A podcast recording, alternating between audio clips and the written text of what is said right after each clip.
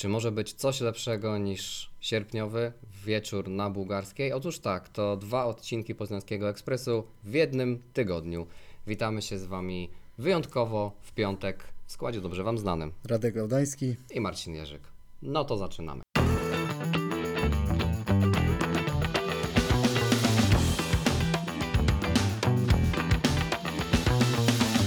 Dobry wieczór i dzień dobry.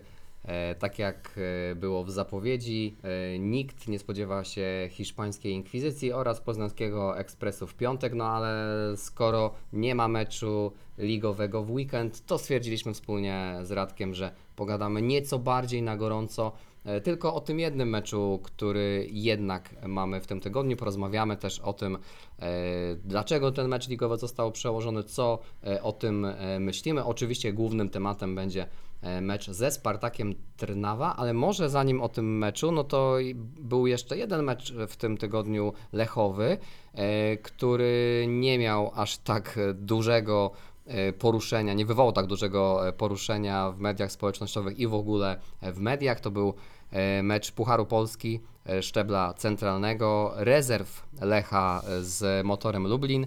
No i redaktor Laudański był e, w Lublinie i może nam co nieco o tym e, meczu i może wyjeździe też e, opowiedzieć. No myślę, że nie był to może jakiś medialny mecz, ale jak pisało się o tym, jak dobrze sobie radzi golkiper Mateusz Mendrala, no to myślę, że to się stał taki całkiem klikalny wpis, że gdzieś tam ta taka potrzeba w Lechu Poznań jakościowych bramkarzy jest na tyle duża, że za każdym razem, kiedy Lech widzi zdolnego chłopaka, który dobrze sobie w tej bramce radzi, no to jest jakaś nadzieja, że on za jakiś czas wskoczy do pierwszego zespołu. No szczerze powiedziawszy, Mateusz bardzo mi zaimponował podczas tego meczu. Kilkukrotnie uratował zespół przed utratą bramki.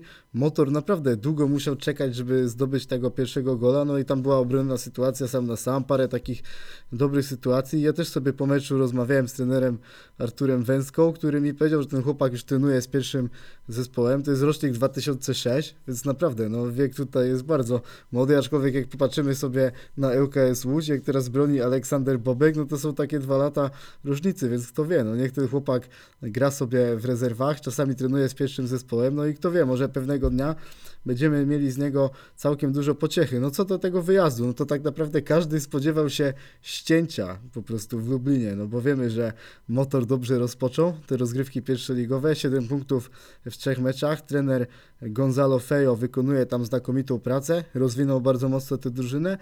No i wydawało się, że, że rezerwy tutaj nie mają większych szans, tym bardziej, że mają swoje pewne kłopoty w lidze.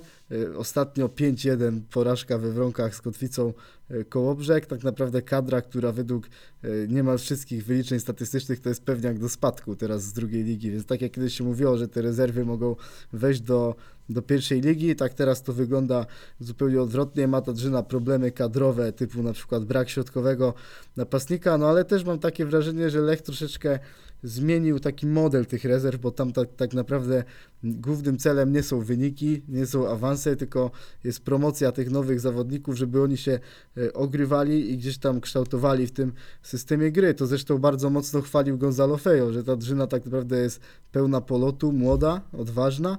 No i gdzieś tam w takiej perspektywie długofalowej może to nie przyniesie teraz wyników, ale sprawi, że ci chłopacy się rozwiną i albo trafią do Lecha Poznań, albo zasilą jakieś inne kluby, no ale Lech będzie miał z tego mimo wszystko jakąś korzyść. Z takich jeszcze indywidualnych graczy, no to myślę, że Maksym Czekała pokazał się z dobrej strony. Też go pamiętamy, jak John van der Brom zeszłej zimy dał go na różne sparingi i też wyglądał całkiem obiecująco. To jest skrzydłowy urodzony w 2004 roku, całkiem niezłe zejście do środka, też parę udanych driblingów, całkiem szybki, więc myślę, że oprócz Jakuba, Jakuba Andczaka czy Filipa Wilaka e, warto gdzieś tam zwrócić uwagę na to nazwisko. No i też taka ostatnia refleksja z Lublina jest taka, że zobaczyłem tam miasto naprawdę bardzo gościnne. Trener Gonzalo Fejo też okazał się osobą, która bardzo ciekawie opowiada o piłce, też się wykazał taką gościnnością, gdzieś tam podszedł, pytał co u nas słychać, cieszył się, że przyjechaliśmy tak daleko, no i razem z trenerem Węską dali taki wykład, można powiedzieć, piłkarski na tej konferencji. Ona trwała ponad 40 minut i tak jak czasami trenerzy ekstraklasowi opowiadają o piłce tylko, nie wiem, w dwóch zdaniach od niechcenia, nie wiem, nie chcę wymieniać nazwiskami, ale na przykład z Janem Urbanem tak często że tam się nie pospieszysz, żeby zadać mu, mu pytanie, nie masz na przykład refleksu i trener Urban już wychodzi z sali na przykład. No to tam to było nie do pomyślenia, tutaj naprawdę bardzo rzeczowo obaj trenerzy mówili o piłce i to była jedna z lepszych konferencji, na których byłem, no i myślę, żeby jakieś poszerzyć sobie takie horyzonty, no to warto, nie mówię, żeby jakoś regularnie, ale raz na jakiś czas sobie gdzieś tam na te rezerwy zerknąć. Tak, no nie zawsze mamy e, czas na to, żeby jeszcze poświęcać e, go właśnie drużynie e, rezerw.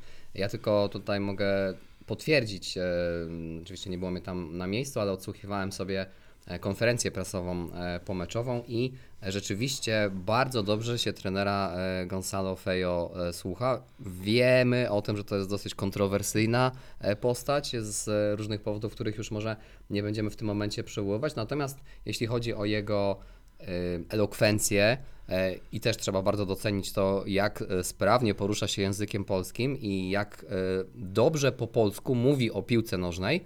E, I słucha się go niezwykle, niezwykle interesująco, bo ma, e, powiedziałbym, wiele takich e, spostrzeżeń, które nieczęsto pojawiają się w debacie o, o piłce. M, Patrzy na piłkę, mam wrażenie, w trochę inny sposób. Poza tym widać, że jest naprawdę dużym pasjonatem futbolu, że, że no, to jest jego życie. Tak? Ostatnio mówiliśmy, że football is life. E, To taki motyw, który się pojawia w serialu Ted Lasso, ale e, to jest e, e, coś, co rzeczywiście u Gonzalo Fejo e, e, słychać. No, być może to, to, że jest tak wielkim e, fanatykiem czy pasjonatem futbolu, też przekłada się jakoś na jego emocje, które, e, które czasami e, dają o sobie e, znać. Tym niemniej, jeśli ktoś e, nie miałby co w weekend robić, to e, polecam sobie e, posłuchać. Jeszcze e, zanim przejdziemy do, do omawiania meczu ze Spartakiem, to jeszcze z racji tego, że właśnie e, nie ma ligowego meczu Lecha, to zaprośmy na inny około e, lechowy mecz. E, Jutro o godzinie 18 na e, poznańskiej Śródce. E, Zdaje się, że to jest dokładnie ulica, nigdy nie pamiętam, Gdańska albo a nie Gdyńska, Gdańska 1, e, mm, e, gdzie swoje mecze rozgrywa drużyna Wiary Lecha. Jutro właśnie o 18 debiut y, w domowym spotkaniu na szczeblu e, czwartej ligi z Centrum Ostrów e, Wielkopolski. Pierwszy mecz przez drużynę Wiary Lecha na wyjeździe w Ostrowie Wielkopolskim e, z Ostrowią zremisowany. E, Także trzymamy kciuki za Kiboli, ale nie tylko Kiboli, bo tam przecież e, Hubert Wołąkiewicz, Błażej Telichowski, e, Siergiej Kriwiec, więc cała e, ekipa dobrze znana jeszcze z występów lechowych. Zachęcamy też do wspierania drużyny Wiary Lecha. No to pora na to, co się działo wczoraj przy Bułgarskiej. Już sobie mówiliśmy tutaj na ofie z Radkiem, że bardzo satysfakcjonująca, robiąca duże wrażenie frekwencja, prawie 30 tysięcy e, kibiców. E, Zdaje się, że trzecia e, co do wielkości frekwencja w tych e, meczach rundy trzeciej e, eliminacji Ligi Konferencji e, Europy i taki dobry prognostyk, jeśli chodzi o frekwencję przed tym, co nas, mamy nadzieję, e, będzie czekało w kolejnych tygodniach i mam nadzieję kolejnych e, miesiącach. Natomiast co do e, samego meczu. Cieszy oczywiście zwycięstwo. Nie był to zły mecz e, w wykonaniu Lecha. Może nawet tak jak mówił trener John Van den Brom, że to był dobry mecz e, w wykonaniu Lecha. Tym niemniej, e, przynajmniej z mojej perspektywy, ale myślę, że tutaj Radek się ze mną zgodzi, że niedosyt pozostaje, ponieważ e, Lech miał ogromną dominację e, w tym e, spotkaniu. Taką naprawdę czasami aż, no, że wydawałoby się, że bardziej się zdominować Spartaka nie da. Pierwsza połowa to niemal 80% posiadania piłki przez Lecha, ale wynik bezbramkowy. Mm, Też wydaje mi się, że taka ogromna dysproporcja, jeśli chodzi o jakąś, jakość piłkarską, o umiejętności. Spartak, co prawda, według mnie tak klasa wyżej niż e, drużyna Żalgirisu Kowno, ale też e, zdecydowanie, zdecydowanie słabsza i też myślę, że cały czas w niezbyt dobrej dyspozycji piłkarskiej, fizycznej e, ta drużyna pozostaje. No i ten mecz w zasadzie powinien zakończyć się wynikiem, nie wiem, 3-0, 4-0 i po prostu ten dwumecz byłby wówczas rozstrzygnięty. Mielibyśmy już w cudzysłowie tylko wycieczkę e, na e, Słowację. E, I taki moment dekoncentracji albo taki moment, w którym drużyna zupełnie niepotrzebnie oddaje, oddaje posiadanie, oddaje inicjatywę przeciwnikowi. Po raz kolejny podajemy tlen wtedy, kiedy zupełnie to nie ma żadnego sensu.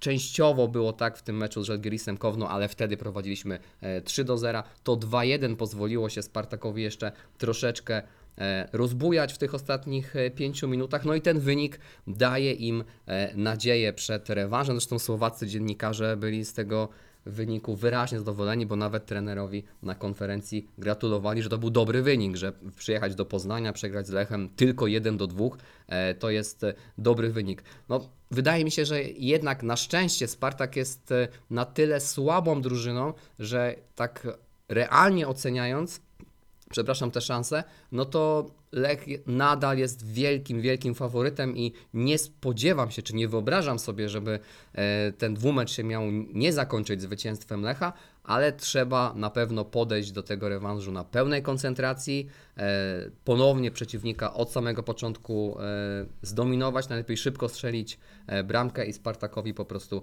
wybić z głowy myśli o tym, że mógłby w tych eliminacjach Ligi Konferencji grać dalej.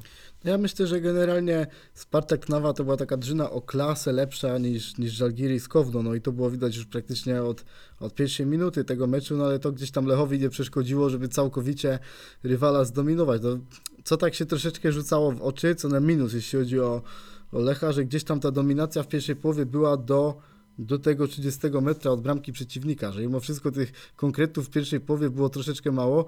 Wiem, że była na przykład jedna, jedna bardzo dobra sytuacja, kiedy po wrzutce Joela Pereira jest perkaszczem, na przykład był bliski szczelenia gola z główki, aczkolwiek no miałem wrażenie, że, że ten bramkarz Spartaka Trnawa, no dobra, miał kilka ciekawych interwencji, no ale to też nie były takie sytuacje Nie, no nie, stuprocentowe był generalnie. był niepewny, ale, nie, ale te sytuacje też nie były takie stuprocentowe, takie w pełni przyspieszenie, e, w pełni przyspieszenie Lecha widzieliśmy w drugiej połowie, kiedy, e, kiedy wreszcie zobaczyliśmy bramki, no i to był taki Lech, zwłaszcza ta bramka e, druga, gdzie, gdzie strzelał Christopher Welde po asyście Filipa Marfińskiego, no wtedy myślę mogła się przypomnieć ta Liga Konferencji zeszłego sezonu, no bo to było takie książkowe e, zagranie Lecha Poznań. No co do tego meczu, no to ja gdzieś tam się twierdziłem w przekonaniu, że że Pereira to jest najlepszy, najważniejszy piłkarz Lecha Poznań, którego trzeba przypłacić, nadpłacić, ale mam niestety obawy, czy on, czy on kontrakt może przedłużyć z Lechem Poznań, bo jak tak sobie patrzę na, na atuty poszczególnych piłkarzy w tej drużynie,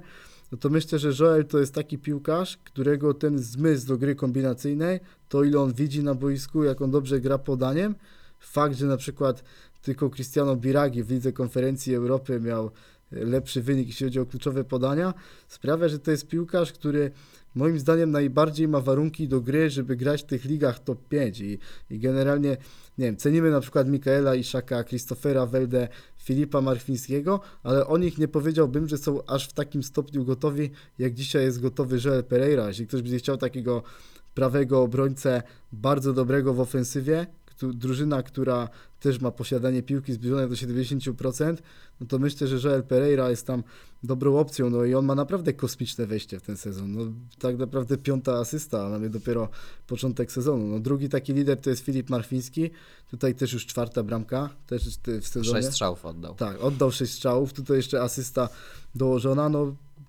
Filip Marfiński kreuje powoli siebie na najlepszego strzelca Lecha Poznań i jest dzisiaj największym faworytem, żeby dostąpić tego zaszczytu teraz e, w 2023 roku. No i myślę, że w pierwszej połowie miał troszeczkę taki dyskretny występ, że było go dosyć mało na boisku, taki czasami był momentami e, zbyt powolny, no ale w drugiej połowie to już był ten taki najlepszy Filippo, którego widzieliśmy w tym meczu z Piastem Gliwice. No i myślę, że taki Filip Marfiński jak w drugiej połowie sprawia, że Afonso Souza może mieć ciężko, żeby wejść do pierwszego składu grając na dziesiątce. No ja kiedyś no, nie pomyślałbym, że wypowiem tego typu słowa, no ale gdzieś tam widząc takiego Marfińskiego, no to widzę piłkarza, który naprawdę jest bardzo dobrze przygotowany fizycznie, bardzo dobrze się porusza po boisku, no i gdzieś tam ma ten wyskok do główki, takie atuty typowe dla środkowego napastnika. Myślę, że mimo wszystko i to umożliwia bardziej taką bezpośrednią grę, no bo Souza też wygląda dobrze na tej dziesiątce, tylko on jest taki, że bardziej jeszcze tą piłkę rozegra, przeholuje, a Marfiński mimo wszystko daje bardziej tą grę taką bezpośrednią i, i mam wrażenie, że, że wtedy łatwiej mu jest też o, o liczby, no i wtedy Marfiński też jest faworytem, żeby te liczby w całym sezonie mieć większe. No co do tego końcowego rezultatu, no to myślę, że widziałem coś podobnego, co, co widziałem w Częstochowie podczas tego tygodnia, bo też sobie gdzieś tam oglądałem ten mecz e, Rakowa z Arisem Limassol. Gra Lecha Poznań była zdecydowanie lepsza niż Rakowa. No to, to trzeba oddać, no ale chodzi mi o to, że kontekst był troszeczkę podobny, że stadion już się cieszył, już był taki pełen optymizm, wynik 2 do 0, spokojna atmosfera przed rewanżem, już w zasadzie zaraz mamy się rozchodzić radości do domu. Wcześniej była okazja na 3 do 0, tu i tu, no a tutaj jest 2-1. No i pojawia się taka złość po tym meczu. No mam wrażenie, że, że ten gol strzelony przez Spartak Trnawa sp- sprawił, że kibice Lecha Poznań nie wyszli pełni entuzjazmu z tego meczu. No jeśli miałbym szukać takich pozytywów w tej sytuacji, może troszeczkę na siłę, no to jest fakt, że dzięki temu rezultatowi drużyna będzie cały czas pod prądem. John Van den Brom mówił o tym, że on się cieszy, że teraz ten mecz z Jagiellonią Białystok jest przełożony, bo w końcu będziemy mogli troszeczkę odpocząć po tym bardzo intensywnym okresie przygotowawczym i tym szybkim łączeniu ligi z pucharami co trzy dni. No, my, mam wrażenie, że ten odpoczynek jest tej drużynie potrzebny, ale ważne jest to, aby być cały czas pod prądem.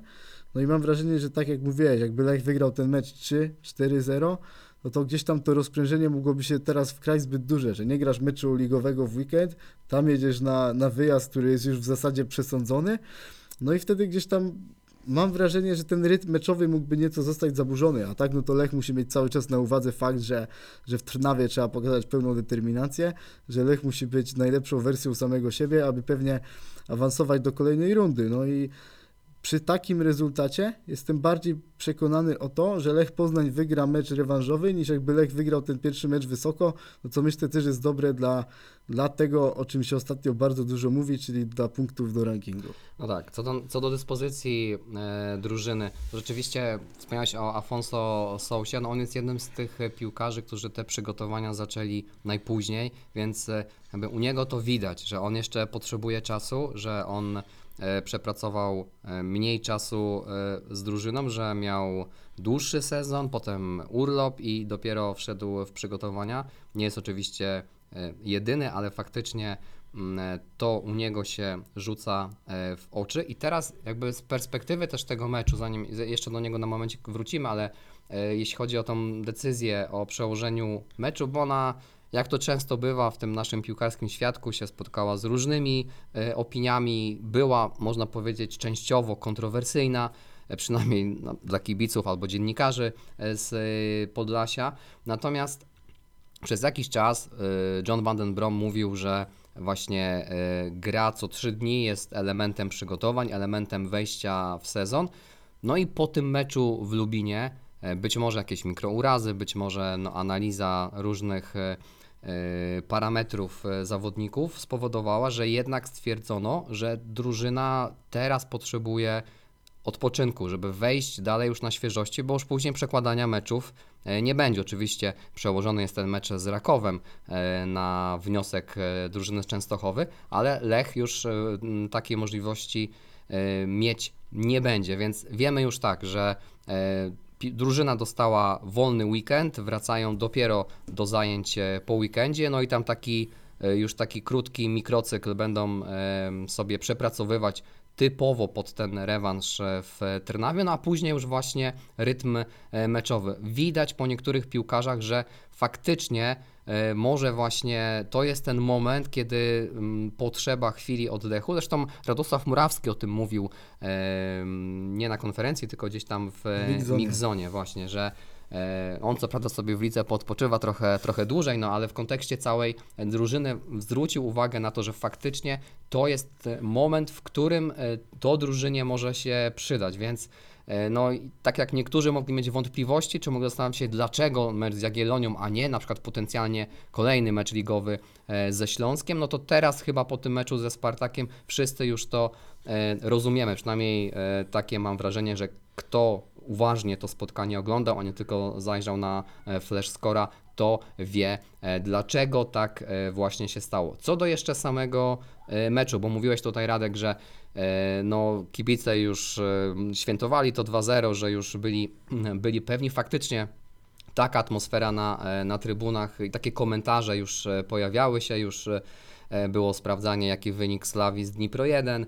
Em, Ale ja bym się cofnął paręnaście, może parędziesiąt e, minut, paręnaście raczej niż parędziesiąt, bo jak bramka dla Spartaka e, padła, to już było za późno, bo e, wtedy dopiero zszedł e, Mikael Isak i pojawił się Afonso Sousa. Natomiast wydaje mi się, że tym razem te zmiany i w ogóle panowanie nad meczem, czy raczej reagowanie na wydarzenia boiskowe nie były idealne. I to jest oczywiście tylko moja perspektywa, ale tak jak sobie patrzyłem na przykład może sama reakcja Christophera Welde e, nie jest najlepszym oddaniem tego, co się na boisku działo, ale widać było, że on był w takim dużym ciągu, że on jeszcze e, miał e, wielki apetyt, czy na asystę, czy jeszcze jedną bramkę.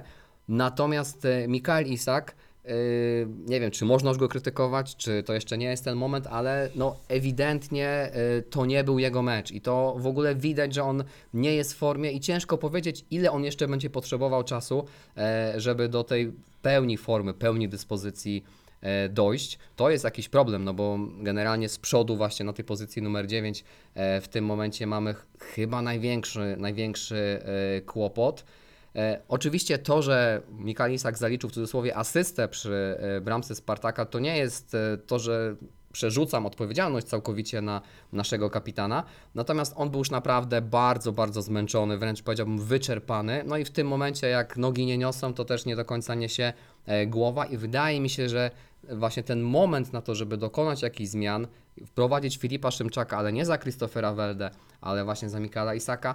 E, I może wówczas udałoby się e, ten dwumecz zamknąć. Oczywiście to teraz to jest takie gdybanie e, i, i oczywiście to jest tylko moja teoria i koncepcja. Może kompletnie nie mam racji, ale Tren, z trenerem zwykle się zgadzam i zwykle wychodzę z takiego założenia, że no to trener jest naj, najbliżej, jest w szatni, zna tych piłkarzy, wie co oni w danym momencie są w stanie wnieść, ale rozumiem też argumentację, bo chyba mówił na tym, o tym trener na konferencji, że Mikael Isak potrzebował tych 90 minut e, właśnie, żeby się ograć, ale tym razem mam wrażenie, że, e, że, że tych minut było e, w jego wykonaniu czy w jego wydaniu za dużo. No właśnie mi to wszystko gdzieś tam wyjąłeś z ust, bo po tej pierwszej A nie umawialiśmy się na to. Po tym, po tym pierwszym e, moim monologu co do tego, co było dobre w Lechu Poznań, chciałem tak płynnie przejść co do tego, co było złe, co nie funkcjonowało. No to mam wrażenie, że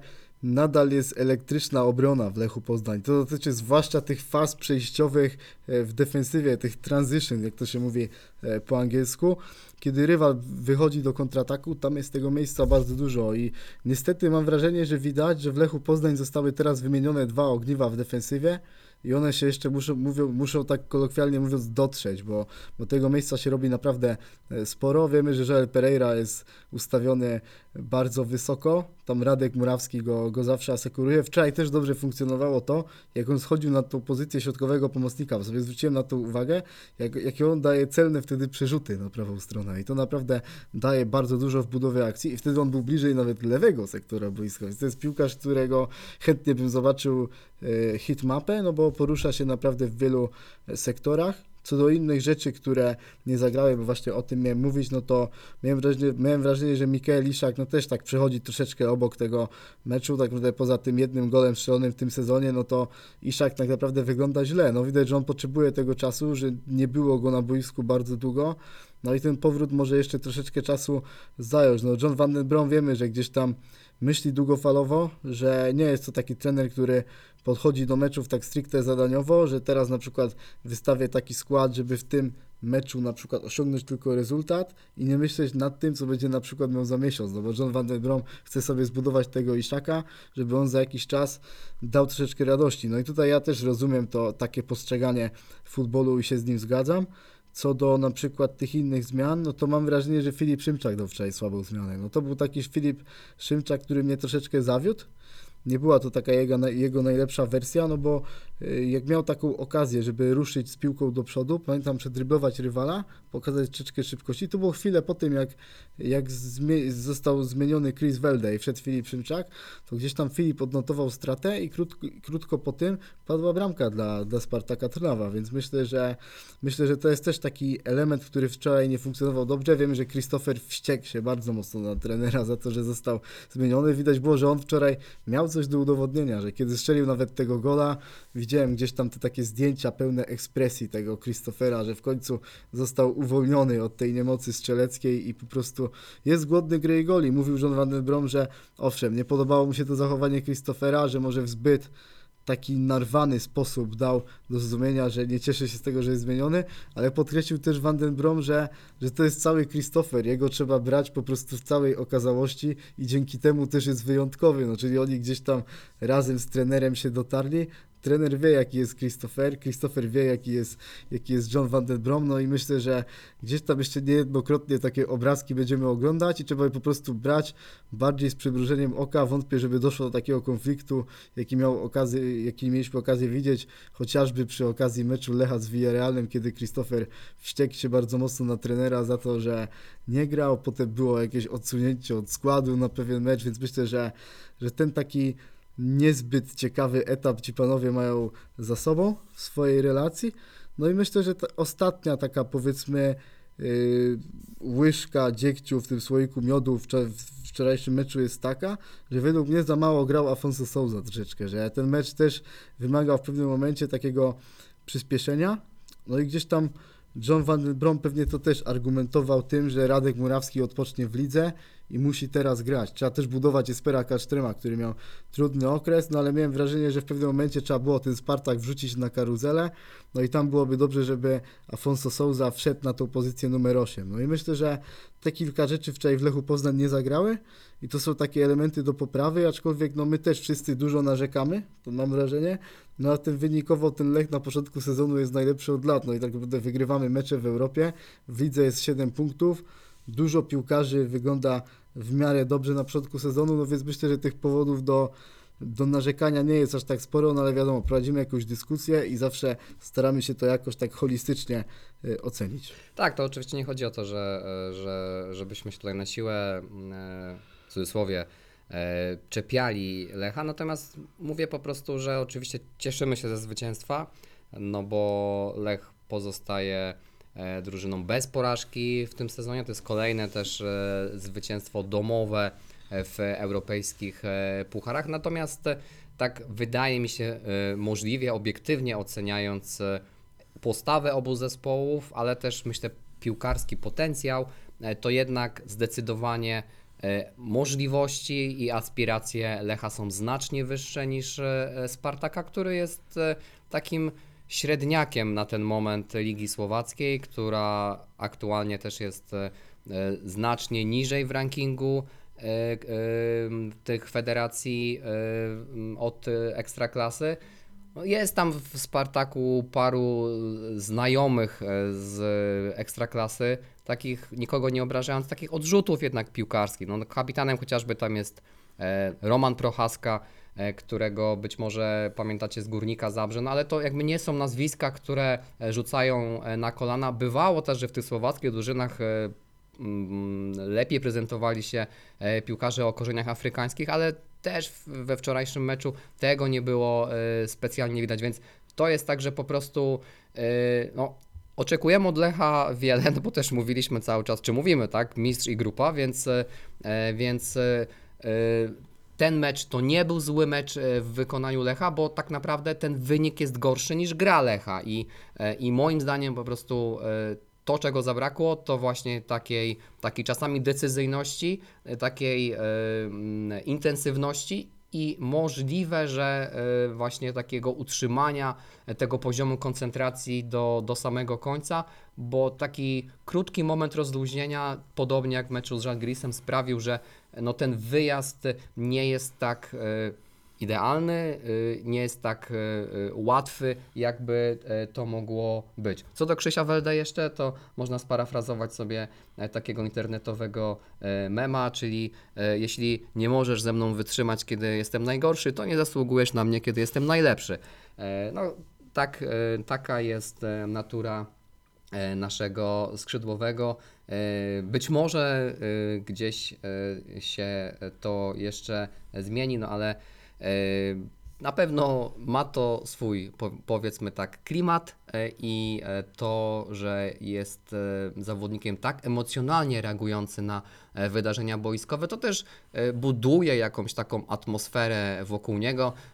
Widać i słychać, że faktycznie jest coraz bardziej na bułgarskiej lubiany i, i takich komentarzy e, negatywnych ja przynajmniej na swojej e, trybunie w stosunku e, do Christophera Welde wczoraj e, nie słyszałem i duże było rozczarowanie, że to właśnie e, Norweg e, boisko e, opuścił. Dobrze, e, przejdźmy do tego, co, e, co przed nami. No, zresztą mówiliśmy już dużo o tym, e, o tym rewanżu, ale e, Radek zrobił zajawkę na, e, na Twitterze, że jakiś e, dodatkowy materiał być może się w przyszłym tygodniu e, w Poznańskim Ekspresie e, pojawi, a to dlatego, że e, Poznański Ekspres kolejny raz będzie miał swojego specjalnego e, wysłannika na wyjazdowym meczu Lecha w europejskich e, pucharach, a będzie nim oczywiście redaktor Laudański. Czy chciałbyś e, coś powiedzieć, zapowiedzieć, e, zareklamować siebie? Tak, no generalnie wczoraj dostałem pewną propozycję po meczu, czy chcę się wybrać na, na mecz i generalnie wyjazdowy, no i stwierdziłem, jak jest taka okazja zabrać się na mecz wyjazdowy, no to zawsze gdzieś tam, zawsze gdzieś tam mam taką sposobność, żeby takich propozycji nie odmawiać, no więc gdzieś tam zobaczymy się w Trnawie, myślę, że zrobimy sobie jakiegoś live'a, myślę, że przed meczem na pewno sobie podyskutujemy, na pewno nie będzie to tak jak we Florencji, gdzie mieliśmy okazję się zobaczyć już w środę podczas tego live'a, bo A myślałem, że pijesz do tego, że nie będziesz musiał laptopem przed stadionem stać. Nie, będę teraz dopiero w czwartek w Trnawie, więc generalnie opuszczę te środowe konferencje prasowe i ten media training, więc też nie będzie mnie na całości, no ale gdzieś tam mecz obejrzę, będę troszeczkę szybciej w Trnawie, myślę, że troszeczkę miasta też się zwiedzi, więc będzie okazja o czymś tam opowiedzieć, wszystko to z bliska zobaczyć, więc myślę, że po meczu być może przed meczem na pewno gdzieś tam na jakimś takim live się zobaczymy. Myślę, że jak Lech Poznań awansuje, to gdzieś tam widzowie przyjdą i, i cieszę się, że będziemy mogli razem przeżyć te emocje. No właśnie, no to e, śledźcie media e, społecznościowe, głównie Twittera e, Radka e, i mojego. E, Damy Wam znać, jak dogramy szczegóły techniczne, jak Radek e, rozpozna, jakie mamy możliwości, ale tak jak Radek mówi, albo przed meczem, albo po meczu połączymy się, czy ja połączę się z Trnawą i z Radkiem i my razem połączymy się e, z Wami, więc e, e, tym razem, no oczywiście w poniedziałek Poznańskiego Ekspresu nie będzie z racji tego, że nagrywamy dzisiaj, ale dodatkowe YouTube'owe tym razem wydanie się pojawi, więc już teraz Was gorąco zachęcamy, zapraszamy, damy Wam znać, o której godzinie będziemy streamować i nadawać na żywo, no i też bardzo chętnie oczywiście pogadamy z Wami na czacie i no miejmy nadzieję, że e, będziemy mieli co, co świętować, nie dopuszczam innej e, opcji. No i wszystko wskazuje na to, że jeśli sobie e, ze Spartakiem e, poradzimy, no to na bułgarską już w kolejnym tygodniu przyjedzie ukraińska drużyna Dnipro 1, ponieważ e, ona e, wczoraj przegrała e, w eliminacjach Ligi Europy ze Slawią Praga aż 3 do 0, więc no mm, perspektywa na to, że odrobi u siebie, no nie u siebie, bo w Koszycach e, odrobi e, trzybramkową stratę jest e, nieduża, no ale o Dnipro 1 i o potencjalnej rywalizacji z Lechem będziemy rozmawiali przy następnej okazji. Radku, jaki typ? Mówi, że Lech wygra, tak? No tak, myślę, że będzie 2-0 w rewanżu. Teraz przed tym meczem też typowałem 2-0, byłem blisko i skłaniam się ku takiemu ku takiemu samemu wynikowi. 2-0, e, e, dobry wynik i e, przede wszystkim, jeśli chodzi o mnie, liczę na to, że Lech wyjdzie podobnie jak w Kownie, to znaczy, że będzie ta bramka strzelona w miarę szybko, która powinna starym Słowakom wybić futbol z głowy. Zostaje nam jeszcze oczywiście mecz ligowy, e, czyli wyjazd e, do Wrocławia, no ale tu mamy jeszcze większy kłopot niż jak zazwyczaj e, przy okazji nagrywania odcinka po meczu z europejskich pucharach, a przed rewanżem, no bo teraz tego czasu do meczu ze Śląskiem jest jeszcze więcej, więc no, tak naprawdę chyba na ten moment nie jesteśmy w stanie Wam specjalnie dużo o tym e, spotkaniu powiedzieć, prawda? Tak, zostało tyle czasu, pooglądajmy sobie Śląsk w tej kolejce, potem będzie można coś rozmawiać. Dokładnie, no bo y, mecz, przepraszam, weekend bez meczu Lecha, więc jakoś trzeba go wypełnić, więc możemy ten czas poświęcić oglądaniu naszych lokalnych rywali. A jeśli będzie taka sposobność, no to być może poświęcimy e, chociaż e, moment na tym e, live przy okazji meczu ze Spartakiem Trnawa. E, ostatnio na końcu dziękowałem za kawę, więc chciałbym tę tradycję utrzymać. Daro, dzięki serdeczne za kawę i super. Też Ci dziękuję za bardzo fajny komentarz, który zostawiłeś e, przy okazji tej e, kawki. Ja może chciałbym jeszcze powiedzieć, bo czasem niektórzy pytają, po co nam te, e, te kawki, czy my faktycznie chodzimy e, i sobie e, espresso kupujemy. E, Otóż no, e, chcielibyśmy projekt rozwijać, więc tutaj może e, powiem, jaka jest nasza główna potrzeba. To jest studio. Chcielibyśmy e, nagrywać e, ten podcast dla Was w takich e, możliwie jak najbardziej profesjonalnych e, realiach, tak aby jakość techniczna i tak dalej, wszystko było bez zarzutu. To jest taka e, pierwsza rzecz. No, a w dalszej kolejności e, na, na sam start to są pewne e, licencje, czy związane z programami graficznymi, czyli chociażby przygotowywanie grafik pomeczowych, grafik do, do live'ów właśnie, miniaturek i tak dalej. E, Plus e, obsługa e, podcastów na takim też bardziej profesjonalnym poziomie, do jakiego dążymy, wykorzystywanie chociażby AI-a. No tutaj powiem szczerze, pomysłów w głowie mam mnóstwo, póki co jeszcze nie ma środków na, na ich realizację. E, Więc e, jeśli Wam się Poznański Ekspres e, podoba, jeśli chcielibyście wesprzeć naszą działalność, ale właśnie w kontekście rozwoju tego projektu, no to tradycyjnie w opisie odcinka i w opisie mm, naszego kanału macie link do postawienia nam tej właśnie kawki, za które serdecznie dziękujemy. A miejmy nadzieję, że doczekamy takiego momentu, gdzie te wszystkie takie pomysły do, co do rozwoju podcastu się spełnią i faktycznie będziemy mogli za to gdzieś tam chodzić na różne espresso, które wiemy, że u nas nie kosztuje 5 zł, jak w tym systemie, tylko 12. No tak, tak, tak, tak. To by- byśmy musieli e, wyjechać do Włoch, żeby za 5 zł sobie e, kawkę e, kupić. No to pół żartem, pół serio. Mm, także chyba wszystko. Tak, dzisiaj trochę krócej, bo mniej Troszeczkę, tematów. ale tylko trochę krócej. tylko Jak troszeczkę. patrzę na licznik, to tylko, tylko trochę krócej. Dobrze. E, dzięki serdeczne za wysłuchanie kolejnego. To był 24 odcinek Poznańskiego Ekspresu, więc następny to będzie nasz pierwszy mały jubileusz, odcinek numer 25. Już e, teraz e, serdecznie na niego zapraszamy, życząc Wam dobrego weekendu e, i dobrych emocji przy okazji meczu w Trynawie awansu Lecha. No i zapraszamy na, e, na naszego live'a i na łączenie e, e, z Radkiem e, prosto ze stadionu Spartaka. Dzięki za dziś, trzymajcie się, do usłyszenia. Trzymajcie się, cześć.